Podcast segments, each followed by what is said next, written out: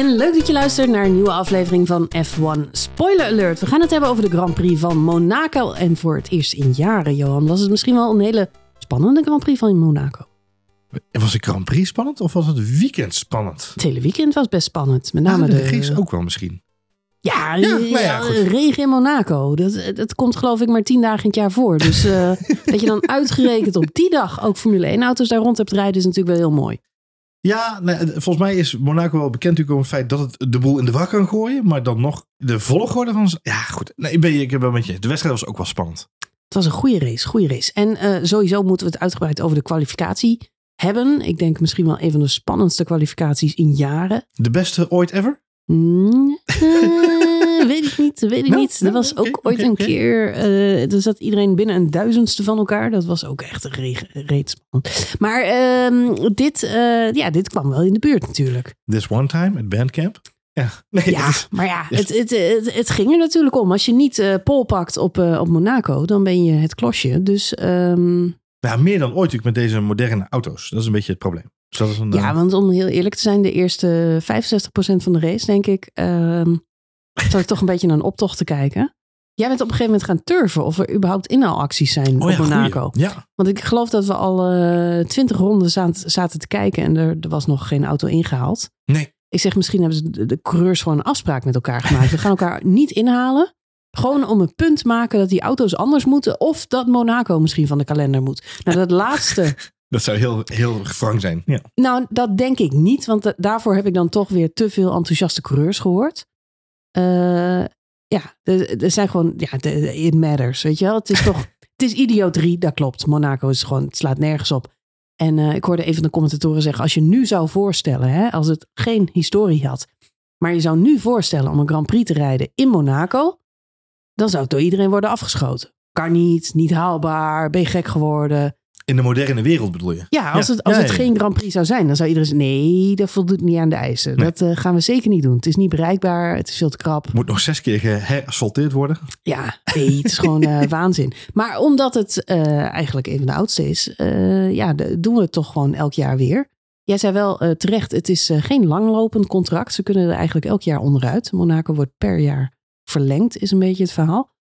Eh, maar ja, dit weekend laat zien dat het toch wel zijn meerwaarde heeft. Echter, ja, die grote auto's, ik vind dat, eh, het begint wel een beetje een probleempje te worden.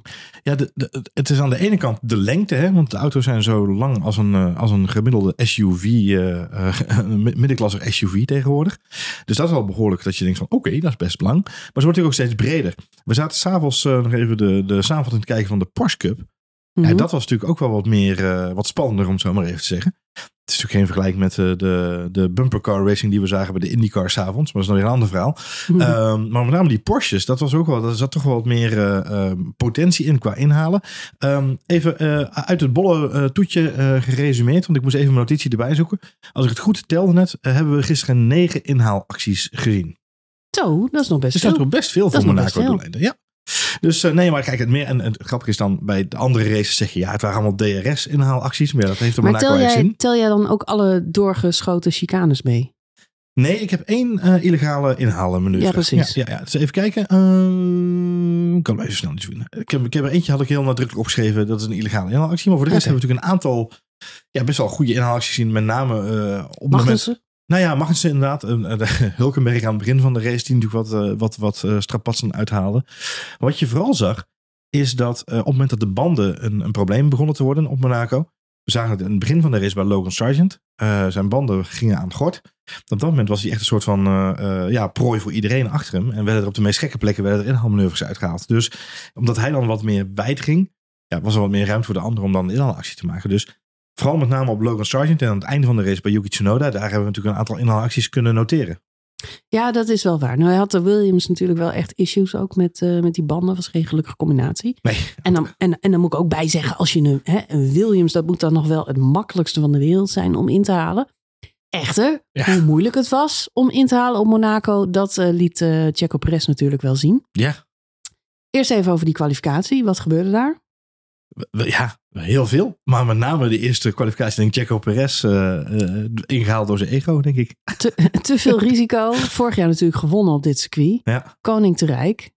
Misschien uh, een beetje, ja, overmoedig of, eh, of toch ook wel onder druk. Jij, jij, jij zei gisteren iets interessants. Eh moment dat hij in de pers is gaan roepen dat hij eh, meedoet voor het wereldkampioenschap, Ja. gaat het eigenlijk slechter met Ja. Perez. ja, maar dat is natuurlijk... eh, Had hij nooit moeten roepen. Nee, kijk, zodra je eh, eh, jezelf een jasje gaat aanmeten, eh, moet je dat jasje ook wel kunnen vullen. En in de jaren 80 deed men al schoudervullingen in, in de jasjes. maar ja, dat is anno 2023 niet echt meer mode. Zie Sergio Perez nu met schoudervulling. En zo'n veel te, veel te grote Colbert aan. Ja, precies. Een foute jaren 80 en, rap. en in Miami had het nog gekund, bij een witte Testarossa, voor de Miami Vice liefhebbers onder ons. Maar ehm, nee, kijk, Sergio Perez is natuurlijk een jasje gaan aanmeten voor zichzelf. En ik denk, zo langzaam maar zeker, dat hij eh, ook echt wel is gaan geloven in het feit dat hij met Max die, die strijd aankon. Maar ja, dan heb je natuurlijk twee, twee weekenden achter elkaar. Even, eh, eh, Imola valt tussenuit. Eh, heb je twee weekenden achter elkaar waarbij het even niet zo lekker gaat. Ja, dan ben je ineens niet meer een kandidaat. En ik geloof dat nu de rekensom is dat hij de komende acht races moet winnen. En Max dan tweede moet worden. Dan haalt hij de achterstand die hij dit weekend alleen al heeft opgelopen, haalt hij dan in. Maar ja, dat gaat hij natuurlijk niet doen. Dat, Mhm. ja. Nee, dat moet heel raar lopen. Het is nu, eh, ja, het is to- eh, het- absoluut niet onmogelijk dat er nog iemand anders kampioen wordt. Maar op dit Nee. moment lijkt eh, misschien Fernando Alonso wel de betere kaarten zelfs te hebben. Alhoewel die in het kampioenschap nog achter Perez staat. Het is 93 om 105 geloof ik hè? Ja. 104, zeg ik maar. Ja, Ja, zo, ja, maar zoiets, inderdaad, het verschil is klein, 10 punten om en nabij. En, ehm, maar ja, Fernando is natuurlijk wel erg consistent, ervaren. Eh, ja, net, ne- eigenlijk net als Verstappen en Hamilton, we hebben het al eerder gezegd dit seizoen.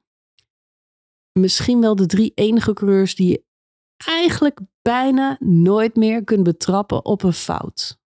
Behalve misschien als ze echt heel, heel, heel erg onder druk staat. Namelijk in de laatste twee races van, van het seizoen. En het gaat om het kampioenschap. En je bedoelt dan eh, Hamilton, Dan- ah, Hamilton, Alonso en Verstappen. Ja, Ja. Ik, d- dan gebeurt er iets met je. En dat begrijp ik ook wel. We zagen dit weekend de ontknoping in diverse buitenlandse voetbalcompetities. En ook in Nederlandse voetbalcompetities. Ja. Het was een onverklaarbaar voetbalweekend. En hoe komt dat dan toch? Ja, eh, de druk, de druk, de druk, de druk. Ik begreep dat Borussia Dortmund vier keer de kans heeft gehad om landskampioen te, te worden. Vier keer, Johan. Vier keer. Ja. En dat je dan al die vier wedstrijden verliest. Ja, dat vind ik bijzonder knap.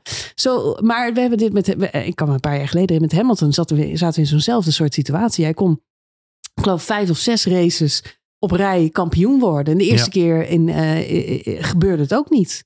Nee, klopt inderdaad. Nou ja, kijk, en, eh, en, en dan, dan gaat het natuurlijk om de, om de In echte... Amerika was dat volgens mij. En toen won je Ja. het in Mexico. Austin uiteindelijk, dat is Mexico. dat is een week later. Hè. Dat is Ja, het is heel later. is ook niet ook heel erg. Hij is geen Borussia Nee, maar Dortmund. Maar, natuurlijk het was wel even spannend. Er komt een andere druk bij kijken dan op dat moment. Maar ik ben wel met je eens. Als je kijkt naar het afgelopen weekend. ehm, of eigenlijk dit seizoen tot nu toe. Hè, dan, dan zie je Alonso. eh, er is natuurlijk weinig op af te dingen. Hamilton. Zelfs in de, de tractor die de Mercedes de afgelopen races was. En dit weekend voor de eerste updates met zich meegebracht. Zegt natuurlijk helemaal geen klap op Monaco, die updates. Je weet helemaal niet wat ze, waar ze staan nu op dit moment. Daar balen ze natuurlijk zelf ook verschrikkelijk van. Nee, want vorig jaar waren de Mercedes ineens opvallend goed. Juist op die stratencircuits. Baku, Monaco, daar moesten zij het heel erg van hebben. Dus ik, voor mij is het toch een beetje teleurstellend dat Mercedes niet kwam boven. Of ja, ik- persoonlijk vind ik het niet teleurstellend hoor. Maar het valt, mij, valt me van ze tegen. Als het ergens had moeten gebeuren. Vorig jaar was het hier. Kan ook natuurlijk zijn dat ze dit jaar voor een andere strategie hebben gekozen. Nou, ze hebben vorig jaar natuurlijk heel erg ingezet op die straatraces. Met name Ja. Monaco, waar ze natuurlijk wisten van... oké, hier kunnen we Wat? met, met ons gemankeerde concept nog wel wat halen. Hè? Kunnen Ja. we een trucje uithalen. Dat hebben ze vorig jaar volgens mij wel een stukje succesvol gedaan dan nu. Laten we niet vergeten, eh, we moeten het zo nog even over hebben... maar in de race rijdt George Russell natuurlijk in principe gewoon een P3. Hè? Dus eh, zat er gewoon een podium in voor Mercedes dit weekend. Eh, gewoon een, een P4 en een P5. Zo, oh, sorry, een P3 en een P5 was gewoon in de boeken. Ehm, dus eh, zo heel erg gek slecht was het vanuit Mercedes ook weer niet dit weekend. Maar met name in de kwalificatie is natuurlijk Lewis Hamilton ontzettend aan mokken op die auto. Het is echt een, een son of a gun noemde hij het geloof ik in, in zijn evaluatie over de boordradio.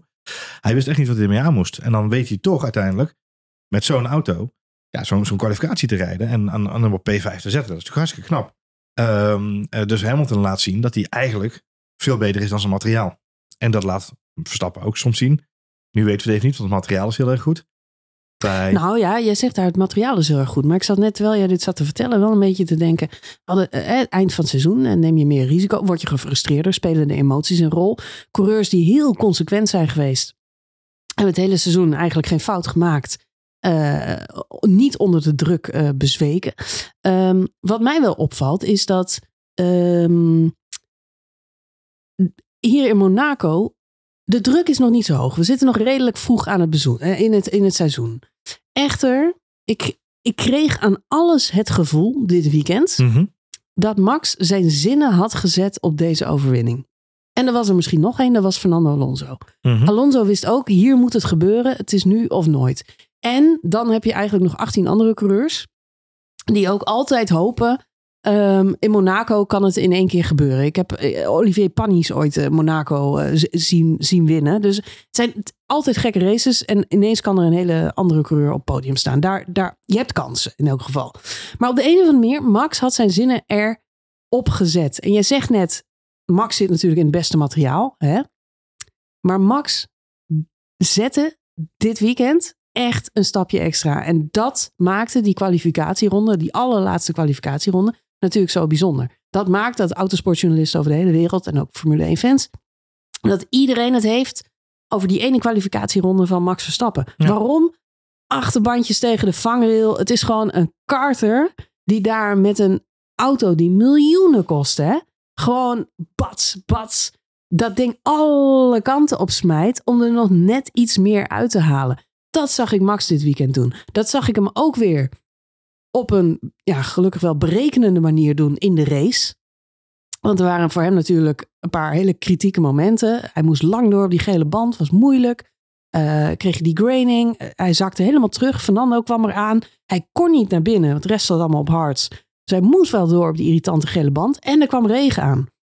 Dus eh, hij stond ook in de race ontzettend onder druk. Je zag hem heel erg iets extra's geven. En dan even terug naar Hamilton, waar je het net over had.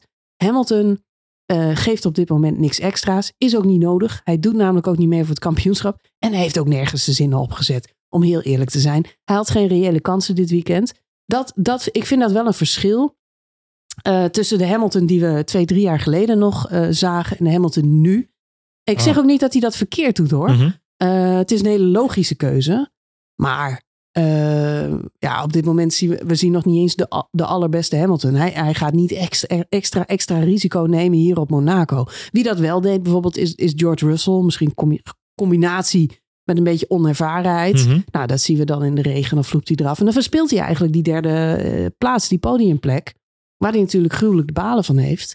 Ehm, maar dat, dat stapje extra, nee, ik zie dat Hamilton op dit moment niet echt eh, maken. Dat, dat is ook wel een verschil, vind ik, onderling.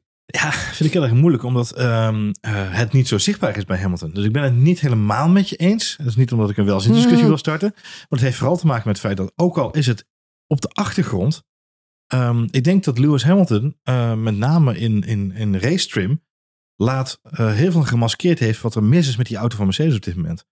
En net zoals dat Max Verstappen dit weekend laat zien, dat Red Bull, iedereen wist dit bij de ingang van het weekend, en daarom was Alonso ook zo scherp. Hè? Er zat, Alonso zat ook bovenop, zat Ferrari ook eh, eh, op het vinkentouw. Iedereen wist, die Red Bull is niet in zijn sas hier op Monaco. Dat is niet de auto die hier het moet gaan maken. Dus in dat opzicht ben ik met je eens. Max Verstappen heeft dit weekend de hardware outperformed. Wat iedereen wist. Die Red Bull is niet eh, helemaal 100% eh, in zijn natuurlijke habitat, om het maar even te spreekvolgens te zeggen. Exact. Ehm, bij Lewis Hamilton is het gewoon een beetje op onzichtbaar en op de achtergrond. En je moet je niet vergissen, Lewis Hamilton staat op dit moment gewoon heel keurig eh vierde in het kampioenschap. Zeker, zeker. 69 punten binnengehaald. Eh, doet het beter dan George Russell op de zondag. Eh, vaak wordt hij nog wel outqualified. Hè? De- In de kwalificatie heeft George Russell nog een, een puntje voor. Maar op zondag is Lewis Hamilton er wel gewoon als de spreekwoordelijke kip erbij. Om te zorgen dat hij eh, die punten eruit kan halen. En, eh, ja, nee, ik snap wel wat je bedoelt. en ik denk dat het, het, verschil is dat die, ehm, die Mercedes is veel slechter, denk ik, dan dat wij nu met z'n allen beseffen. Mede dankzij het feit dat Lewis Hamilton en ook George Russell op zaterdag vaak laten zien dat, er, hè, dat ze halen er het maximale uit. Alleen het is minder sexy. Ja, dat ben ik wel met je eens. En we zien natuurlijk wel, eh, los van het verschil in de kwalificatie en de, en de punten, wat jij net al op. Ik, ik zie ook wel duidelijk een verschil in ehm, eh, rijstijl. Ik vind Hamilton nog steeds een eh begenadigd Formule 1-coureur met gewoon, ja, daar valt weinig op af te dingen. Zie je hem ooit lomp door een bocht sturen of iemand heel erg, ja, we zien hem niet meer zoveel in beeld eh, de afgelopen twee seizoenen helaas. Maar het is, als je hem een tijdje volgt, is het gewoon een ontzettend knappe coureur die heel weinig fouten maakt. Vergelijk je dat met George Russell, vind ik het altijd nog een beetje klunky. Eh, inhaalacties zijn niet. eh, we hadden het de akkefietje met Max natuurlijk laatst. Het is eh kamikaze-piloot bij de start. Moet je altijd een beetje uitkijken als je naar George Russell staat. Het, is- het is voor mij heel het simpel. is echt Als ik, nog een rookie hoor. als ik nu iemand zou moeten uitleggen, hey, je begint met Formule 1 kijken. Ja. En je wil absoluut niet Max Verstappen volgen, want je wil niet meedoen aan de cliché oranje bril met z'n allen. Want nee, ik wil graag echt het pure Formule 1 graag zien. Dan zou ik je nu adviseren, stap elke race onboard bij Lewis Hamilton. Want dat is een Formule 1 coureur. En die rijdt heel clean, heel, heel, heel, heel hij vecht, hij doet zijn best met die auto, hij knokt met die auto, hij haalt er het maximale uit. Of Fernando Alonso, hè, dat is het andere voorbeeld. Als je dan even, maar even in dit geval, we hebben het nu over Lewis Hamilton en, en, en Max Verstappen.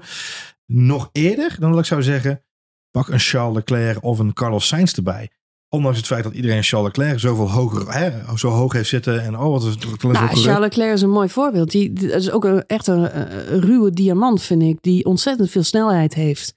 En eh, hele knappe dingen laat zien. Met name ook in de kwalificatie. Echter, ook eh, ja, te veel foutjes nog voor iemand die al eh, veel meer ervaring heeft in de snelle auto dan bijvoorbeeld George Russell. En ik denk dat hij uiteindelijk, als je hem gaat volgen, als je hem op techniek gaat bekijken, een minder gelikte coureur is, om het dan zo maar even te zeggen, dan een Lewis Ze Hamilton. zullen wel. Is ook de ervaring. nee, ja, zeker. Ze zullen wel de ervaring moeten opdoen. Ik moet wel lachen dat eh Lennon Norris heeft natuurlijk weer. ja, gelukkig weer eh, punten dit weekend. En eh Piastri trouwens ook. Ja. Daar was hij erg blij mee. Trouwens, fantastische livery hè, van eh, McLaren. Vond je? Ja, Mm. ik hou ervan. Knipoog naar de 90s. Meh. Knipoog naar de 90s. Ik vond het mooi. Ehm, maar goed, ehm, nee, Lennon Norris, die, da- dat valt wat minder op. Maar daarvan ben ik. Kijk, wat ik, waar ik sowieso heel benieuwd naar ben. Dit, ik, ik, ik vind dit een beetje een klas. Het is een klas met, eh, met kids. En eh, Max is, moeten we nooit vergeten, Max is net zo oud als eh, al die andere grapjes waar we het nu over hebben. Die Charles Leclerc, Pierre Gasly, George Russell. Lennon Norris. Ja. Lennon Norris, Carlos Sainz is dan alweer. Ja, Carlos Sainz en Max zijn de iets oudere misschien van, van het clubje. Sainz 28, eh Verstappen 25, Ja. en Lennon Norris nu 23, volgens mij. Ja.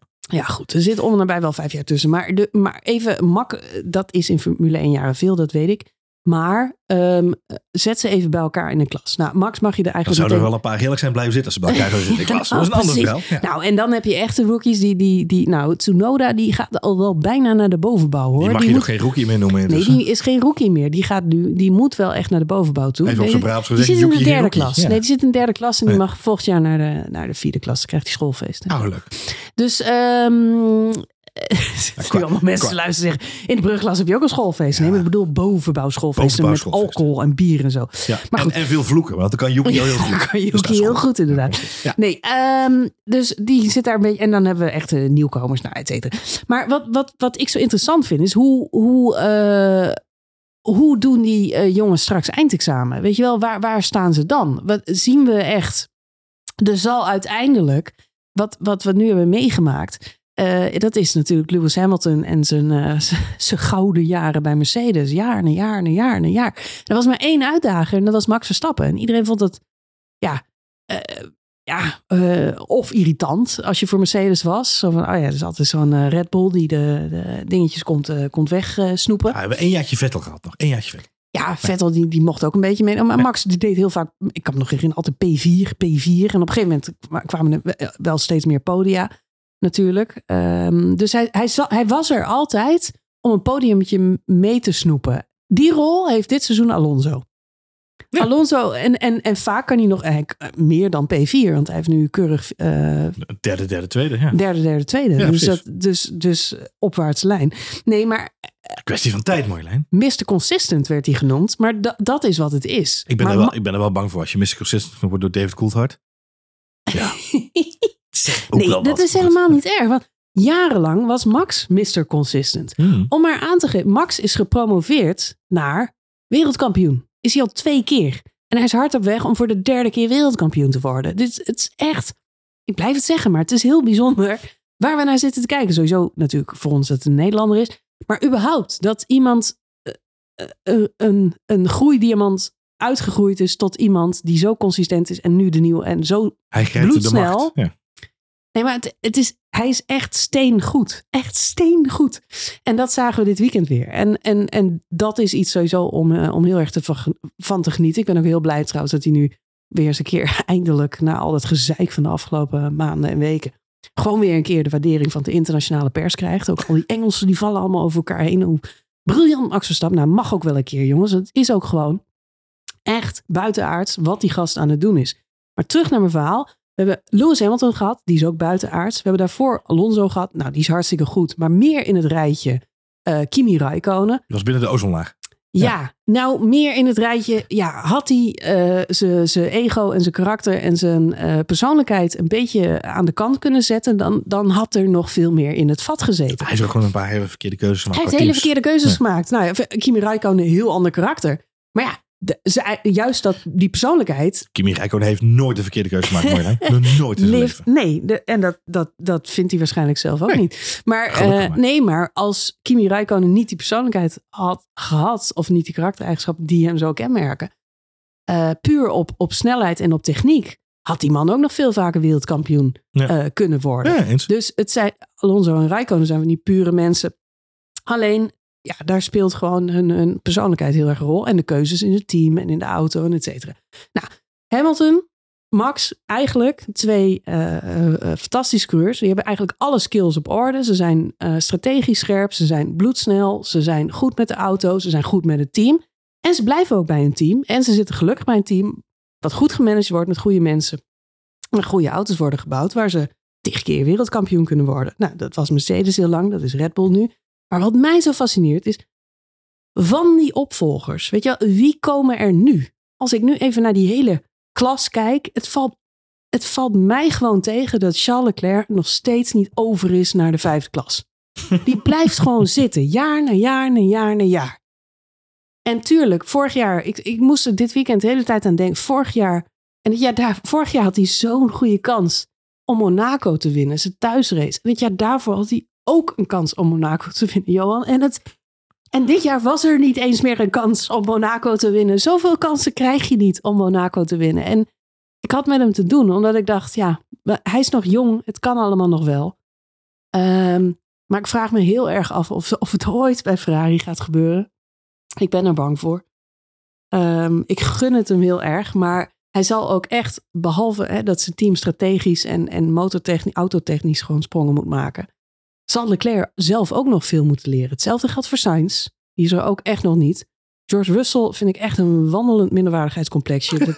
ik vind dat zo'n ingewikkelde jongen die hartstikke beleefd is en naar buiten toe. En, maar het, voor mij is het allemaal zelfvertrouwen veinzen. Terwijl die diep van binnen volgens mij onwijs onzeker is.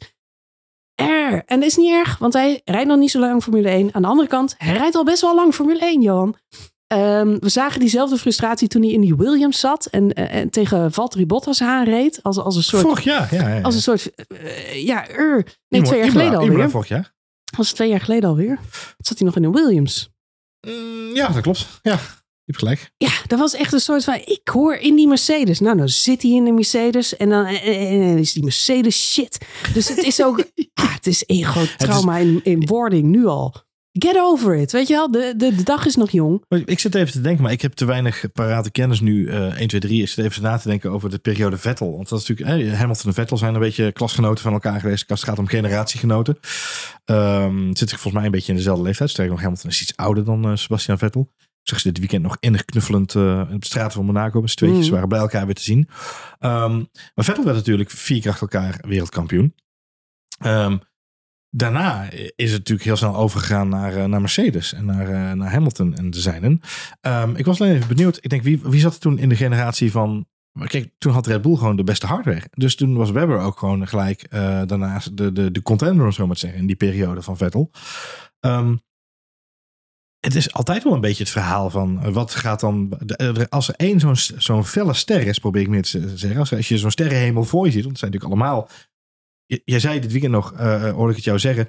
Er zijn maar twintig mensen op de wereld met dit beroep. Hè, er zijn, dit zijn de twintig meest heldere sterren in de, in de autosport. Zijn de enige, je, hebt, je hebt maar 19 collega's die precies hetzelfde werk doen als jij. Als Formule 1 coureur heb je maar 19 collega's, ja. ja. En is op zich wel lekker compact, wel fijn. Um, was maar, eigenlijk was, was een antwoord op de vraag van mijn dochter. Die zei, zijn ze allemaal vrienden met elkaar? Ja. Ik zeg, nou, vrienden is een groot woord, maar ze zijn wel met alle twintig. Het zijn de enige twintig mensen die exact hetzelfde werk doen. En niet alleen hetzelfde werk doen, maar dus ook uh, ja, onder dezelfde druk staan en dezelfde ervaring, hetzelfde Ja, meemaken. ja, dus dat schept een band. Dat schept een band. Eh, of het dan vrienden zijn, laten we keurig in het midden. Dat hoeft Ehm, niet, maar dat kan wel. Alhoewel ik blij was om te zien dat, dat Esteban en Max weer vrolijk samen naar het, eh, naar het podium gingen dit weekend. Als je wint, heb je vrienden. Als je wint, heb je vrienden. Zo gaat het inderdaad. Estie bestie. Maar eh, wat ik wilde zeggen is eigenlijk als je, als je dus die sterrenhemel hebt en je hebt altijd één zo'n ster die nog feller brandt dan de rest van het sterrenveld, van het sterrenbeeld. Mhm. Ja, ik vraag me af, zijn er dan, wat gebeurt er dan met die andere sterren in die generatie? Ik, ik kan me nu geen voorbeeld noemen van mensen die gezegd hebben, die hebben na Schumacher de bal opgepakt. Volgens mij na Schumacher is, het een, is, is de bal opgepakt door Alonso. Alonso, wat een nieuwe ster was. Die jong talent die erbij kwam. Die- 2005, 2006. Die het Dat waren de, nou, dat was de, dat was de wederopstanding, de renaissance van Formule 1, Johan. Ja, maar dat was, maar dat was nadat hè, Schumacher had, had zijn stempel gedrukt. Ja. Maar niemand die in het veld zat met Schumacher. Ja, natuurlijk hebben Alonso en Schumacher wel samengereden. Maar ik bedoel meer te zeggen, in die periode was Alonso de Max Verstappen van zijn sterrenensemble. Hij was de young en upcoming talent. En het jaar erop, in 2005, 2006, die jaren had hij ineens de, de hardware om ook te laten zien dat hij het daadwerkelijk kon brengen tot een wereldkampioenschap. Ehm, en, en de- Ja, dit zijn... en, dit, ik, en ik, noem ja. even, ik noem even Schumacher en Vettel en, en ook Hamilton nu als voorbeelden. Omdat ik weer duidelijk te maken dat, kijk, eh, eh, eh, Alonso wereldkampioen en eh Rijkonen en Rosberg zijn ook wereldkampioenen. En Button zijn ook wereldkampioenen. Maar zijn niet de, de heldere sterren die zo'n generatie gedefinieerd hebben. En wat Max in zich heeft, hij moet het wel bewijzen, hè, laten we vooropstellen, ik heb geen oranje bril op, maar hij heeft het in zich, maar hij moet het wel bewijzen, is dat hij zo'n heldere ster kan zijn die een tijdsvak kan claimen. Waarbij het de vraag is of de mensen die met hem mee de sport in zijn gekomen, überhaupt de kans krijgen om dan nog wereldkampioen te worden of een, een claim te maken. Ja, de- jij denkt dat de sterretjes eh, vroegtijdig... eh, Uitdoven. Nou, ik, dit, deze gedachte schiet ook wel eens door mij heen. Zo van, je zult maar zo hard gewerkt hebben om Formule 1 co- om kamp- een coureur te worden. En dan ben je eindelijk Formule 1 coureur. Dan mag je misschien 6, 7, 8 jaar meedoen in de Formule 1. Wat top is, hè? hoogst haalbare. Maar dan zit je net in de periode Hamilton Verstappen. Hoeveel, hoeveel, kijk, we, hebben, we praten veel Maar ja, over... maar ja, dan ben ik wel weer terug bij mijn klasje, Johan. Waar zijn de andere Hamiltons en Verstappens? Ja, maar, goed, En zitten ze ertussen? nee, maar als je de eerste jaren van Vettel pakt, dat Mhm. Vettel zijn dominantie begon, hoeveel nieuwe sterren zaten daartussen waarvan we zeiden, oh, die gaan het wel even overnemen zodra er iets gebeurt. Er moet iets gebeuren. Waardoor Nou, dat, Hamilton. Ja, maar dat, en die was natuurlijk al een tijdje. Dus dat, Ja. dat had te maken met de hardware en, en, de, en de, eh, de keuze die hij maakte om over te naar Mercedes. Er waren, en Alonso reed toen ook nog. Er waren er genoeg. Hij werd even, Button reed toen nog. Hij, hij werd wel omringd door andere Ja, wereldkampioenen. maar feit is dat er eigenlijk na, eh, na Vettel, of in, sinds Vettel, er geen ehm, eh, nieuw jong talent gekomen die de boel op zijn kop heeft gegooid. Hamilton heeft het overgenomen. Eh, Rosberg nog even tussendoor. Die reed ook al een paar jaar mee. En nu Verstappen. En nu Verstappen. Je zegt, we hebben een heel veld vol met Maldonado's. Ze rijden gewoon allemaal voor spek en bonen. Nee, dat ja, ik vraag me gewoon af. We hebben het heel vaak over de carrières van teamgenoten die We zijn er worden. weer bij en dat is prima. Wat treurig dit, joh. Nee, nee, Wat een nee. treurige podcast. We moeten Het- terug naar Monaco. Wat, wat somber dit. Maar we hebben het heel vaak over de, de, de carrières van teamgenoten die de nek om worden gedraaid. Omdat ze rijden met een, met een, een, een generatie definiërende coureur. Maar we hebben het eigenlijk nooit over de rest van het veld wat gedomineerd wordt door zo'n. En dat, Nee, ja, maar... de- meer jouw, jouw, Ja. jouw visie brengt mij aan het mijmeren. En ik spijt me dat ik daar nee, onze luisteraars bij betrek. Eh, Nee, maar ik denk dat we, op, ik denk dat we hetzelfde zeggen. Ik denk dat eh, wat jij inderdaad zegt, is dat. nou, ik, ik, ik bracht het misschien iets positiever. Ik zei, hoe gaat het met de ontwikkelingscurve van de rest van het veld? ik denk heel goed. Maar, eh, Als Max Verstappen er niet was geweest, waren het allemaal ja, fantastisch gedaan. nee, maar dan ook niet. Maar stel je eens Dat voor, je als Max Verstappen niet mee had gereden, ja, dan zou Alonso nu wereldkampioen worden, Johan. Dat weet ik niet. Nou, dat, dat denk ik wel. Ja, dat, dat- Perez, die, eh, die zie ik niet wereldkampioen worden. nee, dat is weer een andere discussie. Dat is voor de volgende podcast. Ik moest trouwens wel, eh schiet me iets anders te winnen. Ja, sorry. Het is een hele fragmentarische, ongecontroleerd. Het is Pinksterweekend, jongens. Het is Pinksterweekend. Het is een, eh, eh, een beetje een losse Het is podcast. wel een beetje een moeilijke discussie. Dus misschien moeten we hem het even is, het is ook een, een moeilijke discussie. Maar even side note. Ehm, ik heb erg... Alonso natuurlijk, held van het, van het weekend. Geweldig. Ik ergens ook nog wel heel erg gehoopt dat hij misschien op, op pole position eh, zou komen. Het zag er ook heel even naar uit. Ik denk dat ze bij Aston Martin ook echt gedacht hadden dat ze die ronde in de, in de pocket hadden. Max die gooit natuurlijk eh, alles eruit wat hij in zich heeft. Dat was fenomenaal. Daar kun je weinig aan doen. En dat begrijpt zelfs eh, de grote Fernando zelf. Ehm, uiteindelijk is hij heel blij met zijn, eh, met zijn tweede plek, denk ik. En ehm, het was natuurlijk ook echt nog wel even spannend met die dubbele pitstop die hij die, die moest maken. Ehm, nee, ik heb erg lachen om, om, om, om Fernando die eh, eh, op het podium, ook eh, de foto's gingen vandaag viral, maar ik zag hem al in de podiumceremonie, zet hij zijn voetje een klein beetje op Max' zijn hoogste treetje. Dat was, niet met, op- dat was omdat hij de Red Bull man ook heel graag naast hem op het podium wilde trekken. Ja. En voor de foto's die na afloop nog met de koninklijke familie werden gemaakt, Ja, ja. stond hij een beetje half op het eerste, op het eerste treetje. Dus eh, dat werd eh, weer breed uitgelicht op, eh, op social media. Uiteraard, dat, uiteraard. he- is coming for P1. Ehm, en het andere was dat hij ook de teamfoto's die bij Red Bull waren gemaakt, was hij op de achtergrond even vrolijk bij gaan staan. dus het zou mij niks verbazen, Johan, als, als we Fernando Alonso nog een keer in een Red Bull zouden zien rijden. Wat denk jij? Nee, gaan we niet meer meemaken. Sorry. Nee. Nee, dat gaat papa Stroll niet laten gebeuren. Nee? Oh, het zou wel heel leuk zijn. Nee, ik denk dat als. eh, ja, of Honda moet het heel bond maken. Natuurlijk ook deze week de bekendmaking dat Honda eh, aan boord komt als nieuwe leverancier van Aston Martin in 2026. Eh, dus daar wordt de Mercedes vervangen door een Honda motor. Nou, dat zal bij Fernando misschien wel even een GP2 engine flashback hebben opgeleverd. Eh, bij Honda hebben ze overigens gewoon gezegd: eh, nee, geen enkele no hard feelings voor Fernando. Ik bedoel, Nee? eh, dat, is, dat waren gedane tijden. We zaten ook niet lekker in ons vel. En Fernando laat zien dat hij met het materiaal kan.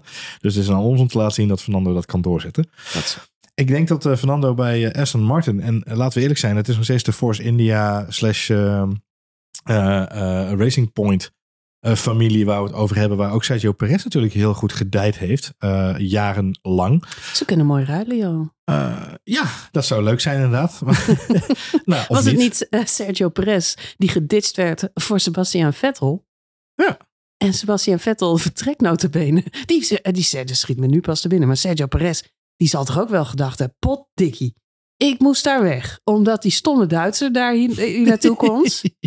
Ben ik mijn baan kwijt, hoop stress. Nou, uiteindelijk komt hij dan gelukkig bij Red Bull terecht. Ja. Heeft hij mazzel mee. Precies op het goede moment. Ik denk dat Alonso nooit, kijk, Alonso zal nooit naar Red Bull gaan omdat hij weet, hij hoeft alleen maar voor zich uit te kijken. En dan ziet hij Max Verstappen en dan denk je, dat is gewoon, Ah, maar eh, gaat niet gebeuren. Punt. Maar Alonso is slim genoeg. Die is ervaren genoeg. Die is op zijn 41 Maar denk je niet dat er op, als ik het zo zie, dit weekend, er zijn toch maar twee coureurs, nou wat zeg ik, drie coureurs aan elkaar gewaagd op dit moment. Dat zijn Alonso, Hamilton en Verstappen. En de rest zit gewoon op een ander niveau. Punt.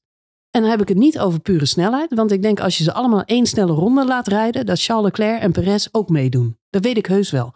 Maar in een race, of nog beter gezegd, in een kampioenschap van 25 races met elk 76 ronden, wie dan de, het hoofd koel houdt en het beste presteert, tactisch geen stomme dingen doet, in al acties alles goed doet, ja, dan zijn er maar drie. Ja, ik denk dat... Want de kijk, rest maakt fouten. Maar je kunt Dat zien we gewoon. Klopt. Alleen je kunt daar Perez niet helemaal wegschuiven. Omdat hij op dit moment gewoon een superieure hardware zit. Superieur, sorry. Eh, hardware zit. Dus je kunt Perez daar niet zomaar wegschuiven. Omdat hij heeft laten zien dat als hij gewoon zijn hoofd koel houdt. En dat is vrij lastig hem geweest de afgelopen weken. Maar als hij zijn hoofd koel houdt, kan hij gewoon... Kan hij niet. En het is een hele ervaren coureur. Hij zit niet in het klasje. Nee. Hij zit al lang op de universiteit. Nee, sterker nog, hij is al aan het solliciteren. Ja, het is, er is geen broekie meer hoor. Die is gewoon ervaren Formule 1 coureur. Maar goed, niet ervaren wellicht in het meedoen voor een kampioenschap. Nee, Nee. dat klopt. Nee, ik denk dat, Dat daar- is inderdaad andere Ik denk dat koekie. Sergio maar- zich heel goed realiseert dat hij zijn hand heeft overspeeld. Eh, als je kijkt naar Fernando Alonso, die weet dat hij bij Aston Martin op dit moment gewoon de beste kansen heeft om daar de absolute nummer 1 coureur te zijn. Laten we wel zijn, 93 punten voor Fernando, eh 27 punten voor Lance Stroll. Ja, weer wordt nu pijnlijk. weekend om te janken voor Lance Stroll natuurlijk eh, eh, dit weekend. Ondanks Oh dat ja, zijn kwalificatie ook de pech was van... dat Perez nog harder jankt. Maar goed, ik geef het je. nou, die van Stroll komt natuurlijk dichtbij in de buurt hè, qua Ja, kwalificatie. En natuurlijk mede omdat hij op de, op de debris rijdt van, niet de Vries, maar op de debris van eh, Lando Norris in dit geval. Maar laten we eerlijk zijn, kijk, Van Alonso kan, heeft, heeft de mogelijkheid om voor zichzelf een unieke positie te creëren bij Aston Martin. Zoals, wat ik al wilde zeggen, Sergio Perez dat ook gedaan heeft in de tijd bij de Force India slash Racing Point familie. Het is een hele loyale groep mensen. Eh, er hangt een hele familiaire sfeer daar. Dat hoor je ook in hoe Fernando Alonso met die mensen praat. Eh, want iedereen weet, dit is niet de Fernando Alonso die we kennen van vroeger. Dit is een andere Fernando Alonso. Eh, na de race zegt hij ook, jongens, als we hier over gedroomd hadden twee maanden, of na de kwalificatie, sorry, als we hier over gedroomd hadden twee maanden geleden, is gewoon een andere Fernando. Ja, eens. Een andere Fernando. En je, je ziet wat het met het team doet. Je zag de eh, reacties. Het is ook wel een, eh, hoe noem je dat, een fan favorite aan het worden om, om bij de mannen van Aston Martin te filmen. Dat, dat zien we veel op beeld dit seizoen. Ja, Ah, zeker. Die reacties die zijn echt hoor. Die, en, en het, ja goed, de beelden worden inmiddels een gewoonte, zou ik bijna zeggen. Alonso op podium, flesje champagne naar beneden laten zakken. En het hele team eh Maar ja, dan, de, dan rest de vraag, Marjolein. Ja, Hoe goed is Fernando Alonso? Of hoe slecht was Sebastian Vettel? Of nog veel belangrijker, hoe goed hebben ze de auto van Red Bull gekopieerd? Ehm, Of zit het antwoord ergens in het midden? Nou ja, het lullige is, ik heb volgens mij twee podcasts geleden ook nog een keer gezegd dat Lance Stroll echt geen pannenkoek is. Eh, echter, dit weekend wel. De stand in het kampioenschap zegt iets anders. Klopt. Maar hij, hij, is, eh, hij is niet vreselijk slecht. Ehm, En als je, dan, als je dan in zo'n goede auto zit, die echt inderdaad in de buurt eh, eigenlijk gewoon meedoen, mee kan doen met een Red Bull. Hij is, hij is beter dan een Mercedes en beter dan een Ferrari, hè? Nou, ik, zal, ik, zal het je, kijk, ik, zal het je, ik zal het je zo uitleggen eh, om, om het beeld te schetsen. Ja, In de top van het kampioenschap hebben we één Max Verstappen en twee Sergio Perez. Dat zijn Ja. twee Red Bulls. We hebben op vier en vijf hebben we twee Mercedes. Lewis Hamilton en George Russell. Op Mhm. zes en zeven hebben we Charles Leclerc en Carlos Sainz. Andersom, Carlos Sainz, Charles Leclerc. Plek 9 en 10, Pierre Gasly en eh, Esteban Ocon. mhm. Op plek 11 en 13, Piastri en Norris. Bottas en Joe 14 en 15. Tsunoda en De Vries op 16 en 19. Het grootste gat in het kampioenschap tussen twee coureurs van hetzelfde team is tussen Fernando Alonso en Lance Stroll. ja maar dat komt omdat Fernando zo achterlijk veel punten heeft. eh. Ja, omdat hij in dezelfde machine het gewoon fucking veel beter doet. Ja, ik, ik, ik, dat is ook eigenlijk precies hetzelfde punt wat ik wel wil maken. Namelijk dat. eh, Maak het dan gewoon! nou, dat. Nee, eigenlijk is het punt wat ik wil maken dat. ehm, dat Fernando een nog betere auto verdient. Maar er is maar één betere auto en dat is een Red Bull, Johan. Op dit moment wel, ja. Aan de andere kant zou ik er ook niet van balen als ik in de twee na, één na beste auto zat. En dat is een Aston Martin. Alleen Stroll weet daar gewoon helemaal niks van te bakken. Ik denk dat ehm, ja, het lullig is voor elke andere coureur in de sport. Die denken, potdikkie, ik wil ook zo'n Aston Martin. Want dat ding dat gaat tenminste. Maar ja, er is, er is natuurlijk nooit de vacature daar. Nooit. Nee, er is altijd maar één stoeltje vrij. Er Ja. is altijd bij één stoeltje. Want die Les Stroll die gaat door totdat hij 83 is. ja, maar ik weet niet hoe lang dat gaat volhouden. Als, als Lance echt performt en hij schaats zijn eigen team ermee. Ja, ik weet ook niet hoe zijn vader daar... Kijk, uiteindelijk ik- gaat het gewoon ook om ja. wat, wat er onderaan de streep natuurlijk aan miljoenen binnenkomt. Als je zevende wordt in het Nou kampioenschap ja, of vierde nu, of derde. nu eh, kunnen ze echt meegaan doen om een wereldkampioenschap. Behalve dat eh, Alonso geen teamgenoot heeft. Nee, want even voor alle duidelijkheid. Ze staan dan wel tweede in het kampioenschap voor de constructeurs Mhm. met 120 punten. Maar daarvan zijn er dus 93 Ja, van onze vriend Alonso. ja. Als Stroll Lance in dit geval nog meer punten laat vallen. Kijk, eh, Aston Martin 120 punten. Super topje, helemaal goed gedaan. Helemaal uh, okidoki. Wie is de derde? Mercedes met, Met? 119 punten. Ja, dat kost je dus eh, de tweede plek. in- 90 punten. Ja, dat kost je de tweede plek in het kampioenschap. Maar bij Mercedes zijn ze constanter. En dan wil je niet weten wat het onderaan de streep voor de eindrekening betekent. Als je tweede wordt of derde in het kampioenschap. Maar vergeet niet, Stroll heeft eh, behoorlijk eh, ongeluk gehad eh, begin van het seizoen. Misschien is hij nog steeds revaliderende. Ik heb geen idee. Ja, Oh, hij rijdt nog steeds zonder handjes, zou je zeggen. Ja, ik weet ik veel. Nee, joh, dat is, eh, de smoesjes, het smoesjesboek is wel een keer op hè, bij, bij Lens. We kijken het seizoentje aan, maar als het echt, als dit verschil zo groot blijft. Nou, ik ben heel benieuwd wat ze ervan maken in de Netflix-docu eh, dit jaar. Ik denk een drama. Ik denk dat die jongens handen bijna kwijt was. Nee, ik bedoel van de, van, van de performance. Want het Oh, wordt zo. natuurlijk eh, echt eh, lelijk. Het zal toch ook daar op, eh, op, op eh, hoe noem je dat? Eh, de kerst, eh nou de kerstborrel is al geweest. Ja. Maar ook op de familiebijeenkomsten zal het toch wel eh, topic of the day zijn. Hoe ga je daarmee om? Ik denk dat Christian Horner zegt dit. If you have a problem with your fucking driver, change the fucking driver. Ja, Ja. kun je wel zeggen. Maar eh, Ja, nogmaals, je kunt, je kunt maar zo ver gaan voordat je als teambaas jezelf ook natuurlijk een beetje over lul zet. Dus nou ja, goed. Het is in elk geval bij hun begint het wel een probleem te worden. Je hebt een razendsnelle auto. Eh Stroll zal in elk geval wel ook een keer een podium moeten gaan pakken dit seizoen. Want anders dan staat hij echt verschut. En dan... eh, en zijn vader daarmee ook. Dus try harder, en een ander team, hè? Ik bedoel, vorig jaar Sergio Perez mag Verstappen was het verschil ook op een gegeven moment heel groot. Zei iedereen ook van ja, Sergio Perez is er niet bij, hij levert niet, hij komt er niet bij, eh, het is allemaal moeilijk lastig. Bedoel, elk ander team was die discussie al lang veel groter geweest op de een of andere manier. Ik heb toch het idee dat bij Aston Martin een beetje onder de mantel der Stroll Ja, ligt nee, wordt klopt. Maar het- wordt, het wordt gewoon niet besproken omdat iedereen het wel weet. Het, het is, eh, de pijnlijke waarheid is natuurlijk dat eh papa Stroll nooit eh, zijn eigen zoon eruit gaat schoppen. Hey, over pijnlijke waarheden gesproken. Mhm. Toen we het nog even hebben over Ferrari. Over de witte pakken? Nou, dat is, nou, I like your suit, zei Max Verstappen. Ja, Ja. nee, het was ook een mooi pak. Mooi pakkie. Ja. Nou, de prestaties nog. Ik dacht dat het een reclamemannetje was toen ik hem van boven. Er was na de kwalificatie, zag ik, eh, zag ik eh, zo'n wit pakje lopen. Ja, dan ga ik op die En, schoonmaken. eh, ja, ik veel. Dan staat die schoonmaker er leuk bij Zo'n. Lego poppetje of zo. En ik zag Max, Max er wel iets tegen zeggen. Toen dacht ik, wat is dat voor een raar poppetje? Maar die Max was is nu niet te groot geworden, hè? Spreek zelfs met de schoonmaker. Ja. Dat was Charles- dat was Charles Leclerc. dus, eh, nee, maar eh, wat wou je, waar wou je het over hebben bij Ferrari? Nou, ik heb wel weer erg gelachen. Nou, niet gelachen, maar, als Stay weet je, als een- out, als stay als out, Precies, als een box, box, box. Het was natuurlijk weer... eh, Stay out. Strategisch een house nummer van maken. Stay out, stay out, box, box. box, Carlos. Sainz eh, wist natuurlijk op een gegeven moment niet meer waar hij aan toe was. Die Ik ook niet. Ik ook niet, want ik, ik, ik had gewoon eh, drie, nou wat zeg ik? Ik had gewoon eh, tien minuten lang het gevoel alsof ik allemaal déjà vu zat. Dacht, hè? Dat zei ze net ook. Zei ze net ook. Ze hebben daadwerkelijk drie dummies Ze geprobeerd. hebben drie dummies geprobeerd. Zie je wel? Ja, Ik dacht op een gegeven moment dat we naar herhalingen zaten te kijken. het is insane. Sainz rijdt in, eh, aan het begin van de race, ronde 12 ongeveer, rijdt hij zijn vleugelstuk op, eh, op eh, de achterkant van Ocon. Op dat moment flappert zijn vleugeltje lekker rond. Krijgt hij ook een zwart-witte vlag. omdat hij eigenlijk natuurlijk er binnen had gemoeten. Want die vleugel laat op een gegeven moment los. Rijdt zijn eigen teamgenoot ook overheen. Super sympathiek. Doet hij goed. Ehm, maar op dat moment zit hij eigenlijk constant al. Hij zit dan al bijna elf ronden lang in, het, in, de, in de versnellingsbak van Esteban Ocon. Hij wilde echt het podium pakken daar op, eh, op Monaco. En ik geef hem geen ongelijk. Maar op dat moment, tien ronden later, ronde 21, roepen ze al... eh, box now to overtake Ocon. En dan vervolgens stay out, stay out. Want Ocon gaat niet. En dan denk ik, je kunt niet zo fucken met een dummy als iemand binnen DRS zit van degene voor hem.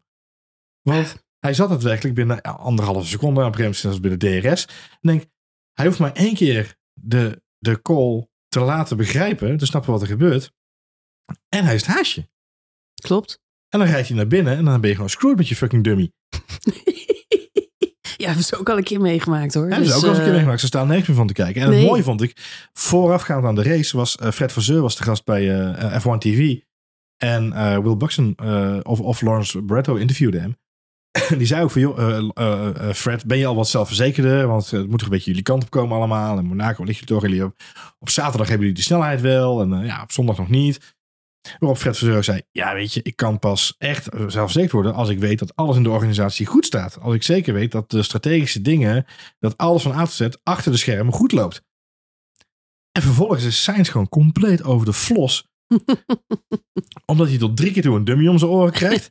en dan vervolgens, als hij gaat, op dat moment had hij niet moeten gaan, want er kwam een regenbui aan. Ja, klopt. Oh my god.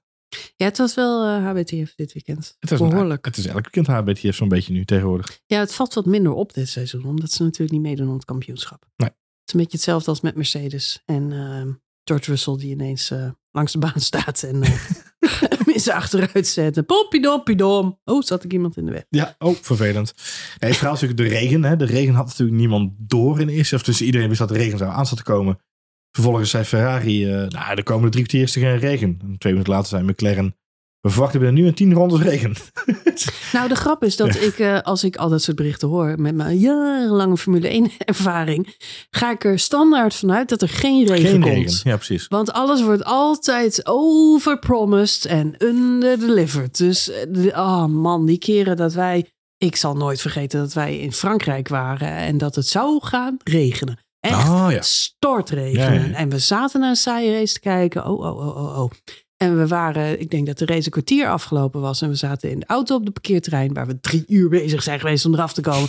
en het begon me een partij te stortregenen en te hozen. Bliksem.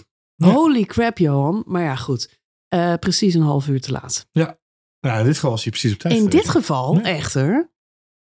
eh, ja, was een soort genie uit de, uit de bottle. Your wish is my command. Want het begon eh, in eerste instantie een paar druppeltjes. En daarna, het werd echt zo'n zo'n lekker buitje dat je dacht, oh, het is nat. Het is Ja. nat. Ja. Het is nat. Ik zie schuim Actie, op de baan. actie, Schuim. schuim. en de, de grap was wel, ja, eh, nou grap. ehm, Ik heb me uh, echt wel weer gruwelijk zitten irriteren, Johan, aan de regie. Ja, die was dat met het pad van compleet van het padje af. Die waren compleet van het padje af. Op de een of andere manier. Ik heb er al het hele seizoen last van. Maar het, of die auto's zijn tien keer sneller geworden. Of de cameramannen en de regisseurs met name. Hebben gewoon heel veel moeite om Formule 1 auto's te volgen. Um, ik had altijd de indruk dat Formule 1 vrij makkelijk te regisseren was. Namelijk, je neemt een auto en dan heb je camera 1, 2, 3, 4, 5. En zo volg je het op. En dan volg je iemand een hele ronde. En dan zie je hem elke keer zo een bocht nemen of ergens uitkomen. En nu op de een of andere manier, alle belangrijke acties worden steeds gemist. Klopt. Alle acties worden gemist. Ja, name um, dit weekend inderdaad, ja. ja. Oh my god. En vervolgens komen ze, starten ze een replay in op het moment dat, het, dat er weer een vanaf vliegt of zo. Dat je denkt, nee, ja, maar, maar, diefstak, nee, niet nu een replay. Nou, dan zit je naar een replay. Dan krijg je ook niet meteen, want je, je ziet soms de commentatoren die proberen zich aan te passen aan het feit dat er geen beelden bij zijn. Dus die, die houden vaak dingen nog een beetje stil. Of ze hebben dingen überhaupt niet in de gaten. Maar je, zeker als je zelf de timing zit bij te houden, dan zie je op een gegeven moment iemand wegzakken. Of je ziet iemand uh, gele vlaggen. Je ziet de godganse tijd, zag je gele vlaggen in beeld. Dan wil je meteen naar die gele vlag toe. Dan wil je, wat is dat dan? Maar op de een of andere manier lijkt, het is 2023 Johan, maar op de een of andere manier is het niet mogelijk om real-time over te schakelen naar een gele vlag. Nee, de herhaling van die gele vlag, die krijgen we om en nabij acht minuten later, Johan. Als we het hele moment alweer vergeten zijn, dan zitten we ineens naar een gele vlag te kijken van iemand die op een droge baan ernaast staat, terwijl het inmiddels is gaan regenen. En, en ik snap er helemaal niks meer van. Johan. En dan, ik snap er niks meer van. Dan vergeten ze de visual erbij dat het een herhaling is en denk je, what the fuck? What the fuck? En ondertussen, oh man, er gebeurt zoveel. Ik, ik kan het echt moeilijk volgen. Wat een beetje mijn probleem is, is, dat het is, is eigenlijk het volgende. Formule 1 ontvouwt zich als een verhaal. Ja. En eigenlijk is het, je moet het verhaal op een gegeven moment, je moet het verhaaltje gaan herkennen op de baan. Ja. Als je moet zien, oké, daar speelt zich een verhaaltje af tussen die coureurs en daar speelt zich een verhaaltje af met een DRS-treintje. Met name als mensen binnen de 1 seconde zitten, zijn dat interessante verhaaltjes. Tenzij ze tien ronden lang, in, dan is het op een gegeven moment minder spannend. Het is een beetje hetzelfde, maar goed, slecht tijd op een gegeven moment hoef je Helming niet meer in beeld te brengen, want die zit gewoon thuis thee te drinken. Terwijl uh, uh, dokter Simon uh, druk bezig is met de patiënt te redden. Zoals ik mijn dochter dit weekend uitlegde. Ze vroeg, wat zijn die cijfers, man, die links in beeld staan? Ik zeg, dat zijn de intervals. Dat zijn de afstanden tussen elke coureur. Ik zeg, wat interessant is, want Perez maakt aan het begin van de race meteen een pitstop. Ik zeg, wat interessant is, is dat Perez nieuwe banden heeft en 11 seconden achter Stroll, Stroll zat. En uh, wat je nu gaat zien, is dat het van 11 naar 10, naar 9, naar 8. Hij gaat daar heel snel dichtbij komen. Inderdaad, 11, 9, 8. Uh, ik zeg tot het moment dat hij erachter zit. Ik zeg, en dan moet het minder worden dan een seconde. En dan wordt het spannend. En dan moet de camera daar naartoe, want dan is er wel of niet een actie. Nou was dit Monaco. En zelfs in een Red Bull bleek het niet mogelijk om in te halen daar achterin. en, en moet dus, ik eerlijk zeggen, in die eerste rondes was natuurlijk heel veel gekke actie. Want we zagen ja, Hulkenberg dus en, uh, en Max ook allemaal gekke dingen Echt spannend wordt het niet. Maar als regisseur of cameraman hoef je maar één ding te doen tijdens de Formule 1. En trouwens ook als fan. Kijk naar de intervals. Ja, ik denk dus, en dat is een beetje het probleem. Ik denk dus dat uh, dat op dit moment, zeker in Monaco, uh, een uitdaging is voor de regie. Ik weet niet wat dat is, maar ook dit weekend zagen we gewoon drie, vier inhaalmanoeuvres hebben we, of spannende momenten hebben we eigenlijk niet gezien. Pas later in een herhaling inderdaad. En wat jij zegt, we hebben twee, drie keer gehad, dus gewoon wegknippen naar een ander verhaal, wat heel veel minder spannend is. Volgens mij was het Hamilton en, en Leclerc die op een gegeven moment, of nee, Sainz, die dan inderdaad bij elkaar naar DRS reden. Oh, dit is ja, spannend om even te volgen. En hup, knip, knip, gingen we naar het achterveld waar de Vries Tsunoda aan het inhalen was. Zo, weet je wel? Ik dacht, dit is niet relevant nu. Dit hoeven we nu niet te zien. Dus dat zijn, ja, weet je, dat, dat irriteert natuurlijk gewoon de kijkers onder de andere streep ook. Maar goed, ik denk dat ook misschien de uitdaging van uh, Monaco is in dit geval. Uh, maar het feit dat we wel echt een aantal cruciale momenten gemist hebben dit weekend. Met name ook bijvoorbeeld van George Russell, die dan inderdaad uh, achteruit volgeschept wordt door uh, Sergio Perez. Ja, dat zijn wel, dat zijn, vind ik wel opvallende je dingen. Kunt nooit, eh, eh, je hoeft echt niet elke actie live te volgen. Maar wat me echt tegenvalt is dat, uh, zeker bij gele vlaggen of bij situaties, ik wil gewoon snelle herhaling zien. En uh, in het voetbal is dat ook zo. Er is net een uh, overtreding geweest en ja. je bent daar gefrustreerd over. Dan wil je die overtreding nog een keer zien. Ik snap wel, dan ligt het spel ook stil. Dat is een, dat is een andere sport. Maar bij de, ook bij de Formule 1 moet het mogelijk zijn om, om, om snel te schakelen. En op de een of andere manier zijn ze daarmee opgehouden. Gele vlaggen worden niet meteen live overgeschakeld. Ik weet niet waarom dat is. ik, ik heb het gevoel bij Monaco dat we echt naar een random setje eh, beelden zitten te kijken. Misschien bij de vlag ook wel natuurlijk meetelt dat we natuurlijk de situatie hebben gehad met eh, Grosjean. En dat ze natuurlijk willen afwachten hoe de Ja, ernst van maar de situatie serie, is. de ernst van de situatie. De, Jezus, de, Ja, het toucheetje van de, van de baan die rijdt gewoon zo'n zo, zo, zo'n afritje in. Weet je, er is geen ernst van de situatie. Maar moet je dat dan gelijk- live zien? Ik vind, vind ik moeilijk. Vind ik een moeilijke. Nou ja, er gebeurt wat. We zaten, ja, dat is waar. we zaten naar een ontzettend redelijk saaie race te kijken. Totdat het begon te eh, Ja, regenen. ja. eh, het, eh, 40, 30 ronden voor het einde. Dus Maar dan is het overal spannend. Dat maakt het natuurlijk wel lastig. nee, het was niet overal spannend. Want er waren amper inhaalacties. De enige inhaalacties die begonnen op een gegeven moment bij Magnussen en zo. In dat DRS-treintje. Daar gebeurden wat interessante dingen. Ja, dat zou je kunnen volgen. We zien ook, ja, we zien, eh, ja, we zien heel veel dingen eh, niet. Eh, ik was blij dat ze op een gegeven moment wel Max in beeld brachten. Die Perez voor de tweede keer op een ronde zetten. Ja. ja. Nee, maar dat is een moment. Pijnlijk, maar mooi Dat is een pijnlijk Ja. moment, maar dat is een belangrijk moment. Dat, dat, dat pleit voor de regisseur, want dan begrijpt hij iets van de sport. De laatste dat twijfel ik op dit moment. Gevoel heb ik gewoon niet af en toe. Hey, Maar goed, ja. Ehm, Even resume. Ik denk een van de mooiste kwalificaties die we in jaren, met name Q3, hè, die we in de Ja, laatste jaren top. gezien En hebben. geen crashes, hè? Geen rode vlag. Weet je hoe vlag, uitzonderlijk dat is? Ja. Vorige Grand Prix hadden we het nog. Geen safety cars. Eh, Nee. nee. En het had niet veel. Als we dat wel hadden gehad, dan hadden we Ocon op het podium gehad. En misschien ook wel zijn eerste overwinning. Ja. Eh, tweede, overwinning, sorry. Maar zijn eerste overwinning in Monaco, ja. Ja. De eerste Fransman sinds Parijs? Nee. Ja, Ja, sinds. Parijs de eerste. Ja, ja, ja. ja. Nou ja, eh, dus het het beste kwalificatie van dit seizoen tot nu toe, misschien wel van de laatste jaren, sowieso op Monaco even van de. De race zetten we ergens tussen de Nee, 7 en de, 9. De, de race, het is altijd leuk om naar Monaco te kijken, gewoon puur om, omdat het daar zo krap is. Eh, regie kan beter, dus dat moeten ze echt, eh, ja, ze moeten daarover na gaan denken. Hoe breng je nou die sport spannend in beeld? Misschien ook eh, nadenken over de data en de visuals die in beeld staan. Ehm, ja, goed, maar dat is een side note. Maar de regen maakte deze race ontzettend spannend. Ja. En dan met name de bandenstrategie. Waarom ging Alonso naar binnen, Johan? Voor droge weerbanden. Ja, ze waren bij Aston Martin echt van overtuigd dat het een korte regenbui zou worden. Dat, dus die hoop hadden ze. Ja, maar achteraf is het natuurlijk waanzin. Want hij zat al op droge Ja, banden. er, was, er was geen achteraf. eh, of er was geen waanzin. Of er was geen risico. Zoals ze wisten, op dat moment had hij al een, eh, een, eh, een, pitstop ruimte. Dus het was een free pitstop, om het zo maar even te Ja, zeggen. Dus ze wisten, we kunnen het risico nemen. Want als we nu verkeerd gokken, moet iedereen alsnog naar binnen. Dus we zitten er ruim voor. Dus ze wisten dat ze de, de ruimte hadden.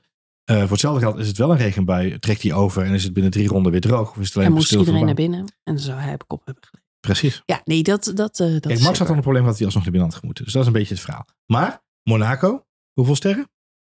De race? Het hele weekend? Eh, het hele weekend vier sterren. Ja hoor. Vier sterren ja. weekend. Vier sterren weekend. Vier met, name, sterren weekend. met name vanwege de kwalificatie dus.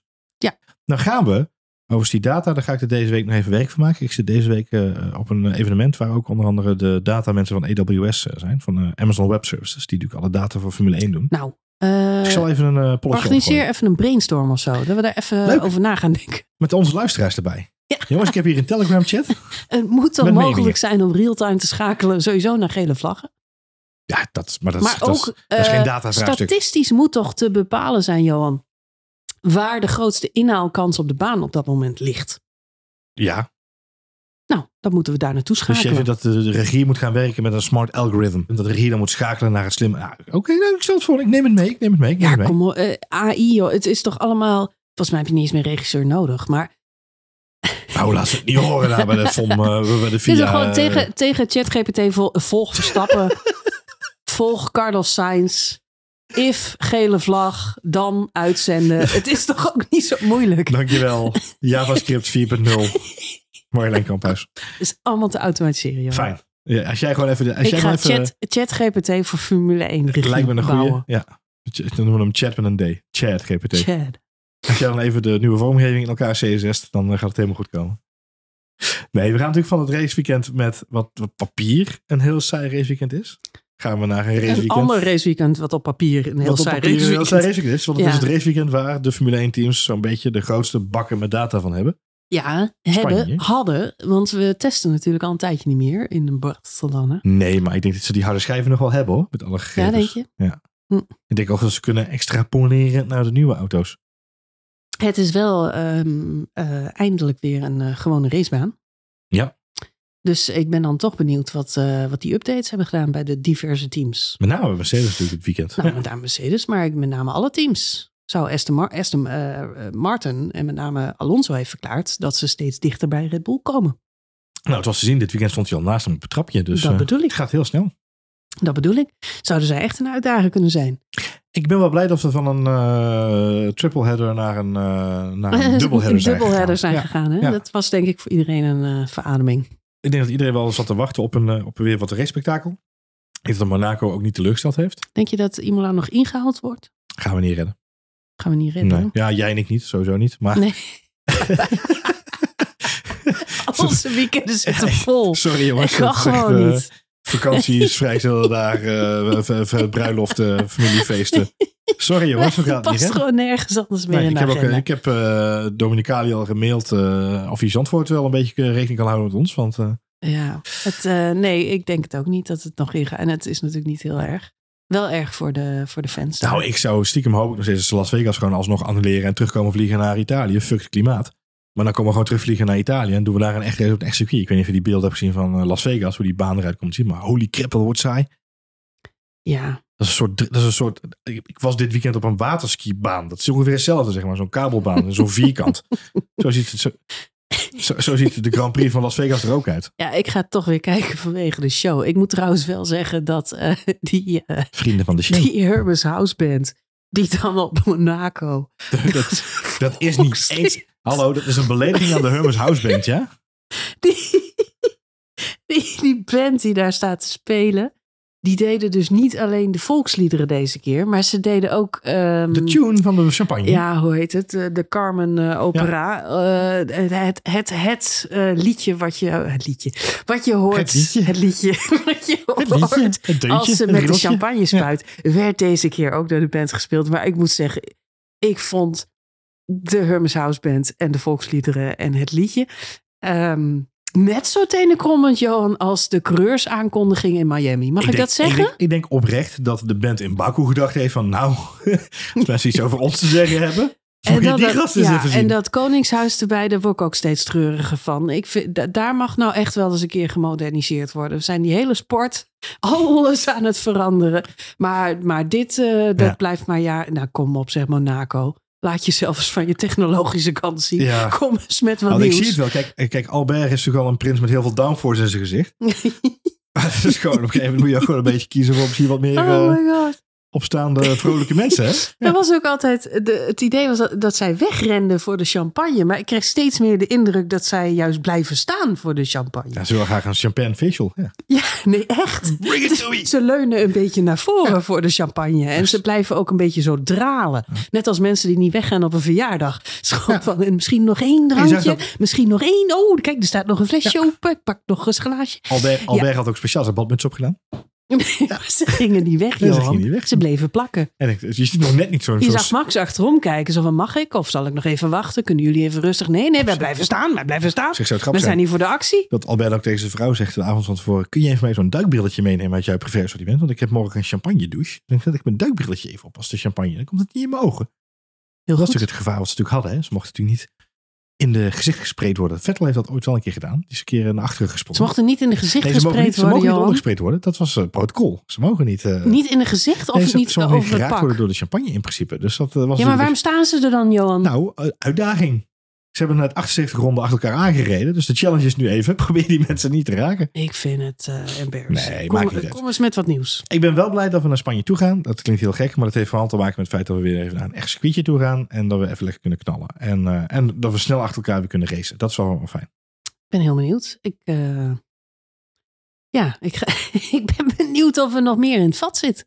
Wel- Welk vat? Nou, bij de andere coureurs. Oh, of ze het allemaal al opgegeven hebben. Zoals Of dat ze nog... zei, waar is de rest? Waar is de rest? Ja, nee, check. echt. Je sluit je aan bij die vraag. Ja. Ja, ik, ik hoop niet dat coureurs het echt al op hebben gegeven. Dus eh, Ik weet het niet. laat het zien. Ik, niet. eh, laat niet Fernando alle podia wegpakken. Want eh, nou, jawel. Laat Van dan maar gewoon tweede worden in het kampioenschap. ja, mag voor mij. Mag En nog een keer een overnikje pakken. Ik gun het hem wel. De- ze gaan over honderden jaren, dan gaan ze de Formule 1 eh annalen vinden. En dan zien ze Max Verstappen, Fernando Alonso. Hoe hoezo kon Fernando Alonso ineens weer concurreren en Ja. om het kampioenschap En dat is strijden niet met Max maar, Verstappen? maar het wordt dan, het wordt dan verfilmd. dat wordt zeker Het wordt een verfilmd, ja. Hollywood film. En Met wie, en wie speelt er dan Fernando Alonso? Brad Pitt en Tom Cruise speelt Max Verstappen. Ik dacht meer aan Javier Bardem of zo. Oh, Javier Bardem. Open your life. Fernando. Ja. Open your life. Alleen wacht even, dat is Penelope natuurlijk. Penelope. Penelope, Penelope. Penelope de vriendin van Max, denk ik. Leuk. Leuk. Dat is Max ook heel, weet ik dat is niet. ook heel gek trouwens. Wat? We bedoelen in ieder geval bedoelen we Penelope Cruz. Niet Penelope P. P. Kind van. Nee, die bedoel ik niet, joh. We hadden het over acteurs. Ja, nee, maar het kwartje valt nu pas op mij. Heel Ga goed. verder. Eh, nou, we gaan Goh, een zien. afsluiting. Ik zie liggen. verfilming. Geef hem Ja. even van jou. Hier, kijk Heel eens, is fijn, bedankt. Hier is de afsluiting van Ja, de show. goed. Spanje is alweer over een week. Dus we gaan eh rappen. Want eh, volgende week zijn we er Ik pas weer. wel even op, zeg. Hey. Volgende week zijn we er alweer, Johan. En dan zijn we hopelijk beter voorbereid dan deze uitzending. Maar gezellig was het wel. En een mooie race hebben we zeker ook gezien. Ehm, Hotel. Motel. wil je reageren, dan kan dat zoals altijd via Telegram, waar onze eh, chat plaatsvindt. Met een T. F1 spoiler alert. En als je goede suggesties hebt voor ChatGPT voor Formule 1 regie, ik hou me aanbevolen. Laat het me vooral weten. Het moet toch te bouw zijn. Ja. Hashtag. Hashtag het moet de bouw zijn. Kan natuurlijk ook Instagram via Twitter, Instagram. hebben we ook. Ja. Twitter hebben we ook. Johan Voets en Marjolein mag je ook altijd naar reageren. Twitter bestaat nog steeds. Dus we doen het nog daar. Zolang het bestaat. er geen rook uit het komt. bestaat. Zijn we erbij en dat is prima. zijn we erbij. Heel erg bedankt voor het luisteren naar deze aflevering van F1 Spoiler Alert. En heel graag tot volgende week bij de Grand Prix van Spanje.